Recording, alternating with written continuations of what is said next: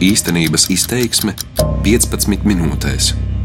Gan ABLV banka, gan Boris un Ināras Teterofons ir viennozīmīgi vieni no nu, nozīmīgākajiem spēlētājiem tieši mākslas atbalstam Latvijā. Un tas, ka viņi iziet ārā no šīs zonas, nu, protams, tas ir milzīgs zaudējums, jo tas atbalsts jau bija ļoti ievērojams. Tā, tā ir Latvijas laikmatīgās mākslas centra direktore Solvita Krese. Esam satikušās Latvijas Nacionālā mākslas muzeja vestibilā, kur tieši iepratī pie sienas skatu piesaista sešas zeltītas plāksnes ar lielākajiem muzeja atbalstītājiem. Viņa vidū Boris un Ināras Tetereva fonds, ABLV banka un ABLV Charitable Foundation. Trīs spēlētāji, kas līdz šim devuši milzu artavu kultūras atbalstam, bet nu saistībā ar bankas darbības apturēšanu šobrīd jūtami sarucis arī viņu patiešām dāsnais finansējums kultūrai. Vienkārši vēl tas ir tik svaigi viss noticis. Man liekas, ka tagad vēl ir tāda inerce, kaut kā darbojās cilvēki, bet man liekas, tas atsitiens būs milzīgs. Un, ja vēl šiem diviem lieliem atbalstītājiem ja seko citi tādi iekritieni, nu, tad īstenībā visi drūzmēsies jau pie tā tās diezgan liesās kultūra kapitāla silas, ja tā varētu teikt. Nu, būs traki, nu, nezinu, nu, tad nu, taisīs visādus maziņus projektiņus. Nu, grūti būs. Cik patiešām liels šobrīd ir apdraudējums kultūras nozarei, kā situācija ir izsināt, un vai mūsu valsts kultūra nav kļūsi pārāk stipri atkarīga no atsevišķu uzņēmēju ekonomiskās situācijas? Atbildes uz šiem jautājumiem meklēsim šodien raidījumā īstenības izteiksme, ko veidoja es, Baiba Kušķa. Un šodien mēs esam te, vieta, kur taps jauna Riga. Tas vizitkarte būs Vaļķintas Maksas muzejs. No savas puses es gribētu teikt, ka eh, es ceru, ka tas būs tāds 21. gadsimta muzeja piemērs Ar šādiem vārdiem 2014. gada rudenī startu Latvijas laikmatīgās mākslas muzejam deva kultūras ministra Dace Melbārde un ABLV banka līdzīpašnieks Ernests Pērnis. Muzeja par pilnībā privātu naudu 30 miljoniem eiro apņēmās celt ABLV banka labdarības fonds un Tetereo fonds. Starp kultūras ministriju un abiem finansētājiem tika parakstīts nodomu protokols par sadarbību muzeja izveidē. Ar lielu vērienu sāktais projekts tagad ir uz lielas jautājuma zīmes, jo projām nav skaidrības, kas ar to varētu notikt tālāk. Boris un Ināras Tetereva fonda pārstāve Inga Vasiljeva pieļauj, ka skaidrāks virziens varētu iezīmēties nākamā mēnesī. Jebkuru lēmumu arī dzem par šī laikmetīgās mākslas muzeja projekta virzību, gan arī par šī fonda nākotni var pieņemt tikai fonda padome, kurā ietilps šie abu divu pušu dibinātāji mecenāti, un visticamāk šis lēmums tika pieņemts tuvākā mēneša laikā, un tad par to arī plašāk sabiedrība tiks informēta. Par situācijas risinājumu skopi šobrīd ir kultūras ministrijas komentāri, kas savukārt gaida abu pārējo projekta virzītāju lēmumu, skaidro ministrijas valsts sekretāra Dace Vilsone. Tikai pēc tam mēs varēsim kopīgi spriest par to, kādas varētu būt konsekvences vai kādas darbības būtu veicamas. Šobrīd vēl šī situācija nav skaidra. Vai varbūt kaut kādas atziņas no šī procesa, ka kaut kā savādāk būtu jāorganizē tā sadarbība ar tiem privātajiem, lai neveidotos šādas situācijas? Šis process sadarbība ar banku bija organizēts tā, ka šeit nebija paredzēts, ka viena vai otra puse uzņemas risku risināšanu kā tādu. Banka apņēmās pati savas saistības, un ministrija savas iespējas robežās apņēmās savukārt savas saistības. Mums bankas saistības nav jāpārņem. No šī viedokļa raugoties, tas process ir ļoti sakārtots. Latvijas laikmatīgās mākslas muzeja izveide ir pats vērienīgākais projekts, kas varētu ciest ABLV bankas problēmu dēļ, taču ABLV banka, tās labdarības fonds un Borisa un Ināras Tetereva fonds finansējas vai līdzfinansējas milzumu daudz citu nozīmīgu kultūras projektu. ABLV labdarības fonda lielākā uzmanības lokā bijusi tieši laikmatīgā māksla, bet Tetereva fondam visplašākais spektrs - spēlmaņu nakts, teātris zip, apbalvojums laiks ziedonim, simtgades projekts projekts Latvijas gredzens, Latvijas radioteātra iestudējumi, un arī tā ir tikai viena ļoti maza daļa no plašā klāsta. Labvakar, cienījamie televīzijas skatītāji, tie, kas vēro katru sestdienu mūsu teātrī Zīp. Ir 14. Uh, aprīļa vakars, un šovakar jūs tiksieties ar Nacionālo teātri, ar izrādi sievieti.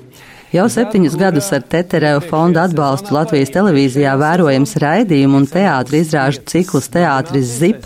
Izrādīts vairāk nekā 150 labākās teātra izrādes ierakstā un tiešraidē, kas paliek arī kā nozīmīgs televīzijas mantojums, stāsta raidījuma satura redaktore Mārīta Balode. Tetereva fonds, viņa ieguldījums ir neatsverams. Tas ir miljonu naudas vērtībā un to garīgo un to faktiski arhivāro situāciju pār pa simts izrādēm. Un mums ir uz priekšu vēl ierakstīts. Mums ļoti svarīgi, lai saglabātos tieši teātris zipi, jo mums ir ko rādīt un labas izrādes, ko rādīt. Mums ir vēl paredzētas divas izrādes šajā sestdienā. Mēs redzēsim jaunā Rīgas teātris izrādi Dukši un 5. datumā Daugavpils teātris izrādes Nogrimusī pils. Tā kā mēs faktiski cerīgi skatāmies nākotnē, bet tai pašā laikā nākotne ir īsti vēl nezināma. Jau četrus gadus Tetereva fonds atbalsta arī Latvijas radioteātra projektus, bet kopš 2016. gada arī radio mazo lasītavu, kurā populārais aktieris Gundars Āboliņš lasa dažādu izdevniecību aktuālākās un interesantākās grāmatas, lasījumu papildina arī komentāri par grāmatu.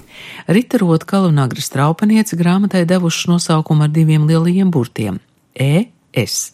Skaidrojiet, kā gribat. Lasa Gundars Āboliņš.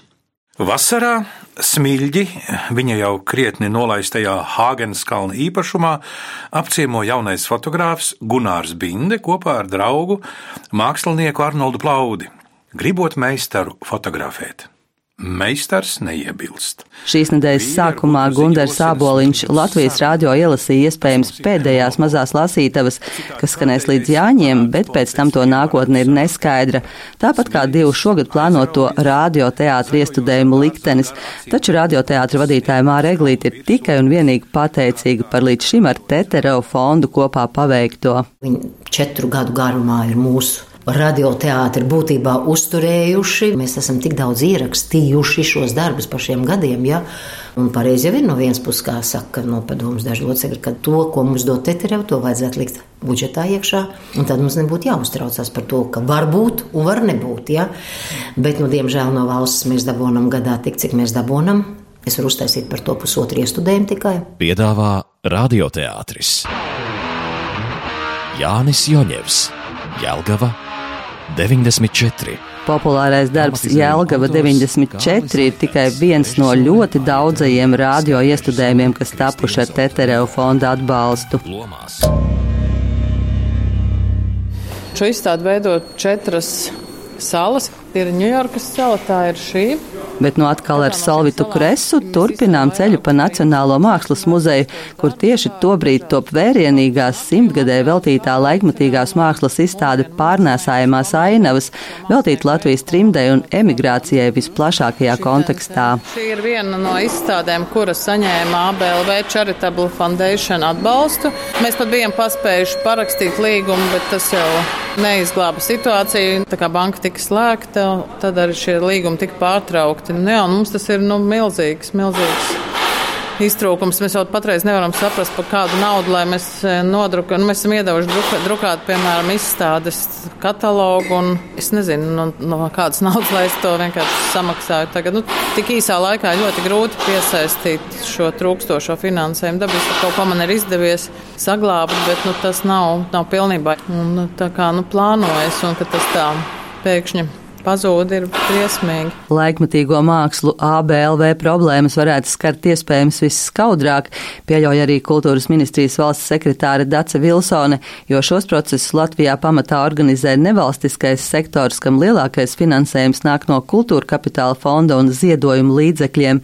Līdz šim ļoti būtisks bijis arī ABLV labdarības fonda līdzfinansējums Venēcijas bienālē, un kā šī situācija tiks risināta skaidro Dace Vilsone. Kultūra Kultūras ministrija no savas atbildības par Venecijas bienāli neatsakās. Un, mēs esam priecīgi par to, ka mums šobrīd norit sarunas, iespējams, par citu atbalstītāju piesaisti šim ļoti nozīmīgajam projektam, par kuru mēs noteikti informēsim sabiedrību. Vaicāt, cik kopumā nozīmīga sadaļa mūsu kultūras budžetā ir tieši privātā nauda. Vilsona skaidro, ka procentuāli tā veido nelielu daļu, bet ir ļoti svarīga galvenokārt jaunradas procesam. Sponsoru un ziedojumu līdzekļi ir ļoti svarīgi un atbalstāms arī finansējuma avots, un tas ir vienmēr bijis kā tāds ķirsīts uz putukrējuma tortes, kas ir ļoti redzams ko mēs arī sabiedrībā jūtam. Tā ir tā papildus brīvības sajūta projektu vadītājiem. Tas, ko es gribētu minēt, ka šis sponsoru finansējums, nu, ja mēs skatāmies arī lielos rādītājos, tad kopumā, piemēram, muzejiem, kas ir 18. gadā, mēs finansējam 21 miljonu, tad salīdzinoši muzeja sektorā 16. 17. gadā ir piesaistītais ziedojuma finansējums ir 350 tūkstoši. Tātad mēs redzam šajos kausos miljonu miljonus pret tūkstošiem. Bet tas nenozīmē to, ka šie tūkstoši būtu bijuši mazsvarīgi. Viņi ir ļoti nozīmīgi, jo viņi dod to uh, komforta un papildus drošības sajūtu projektiem.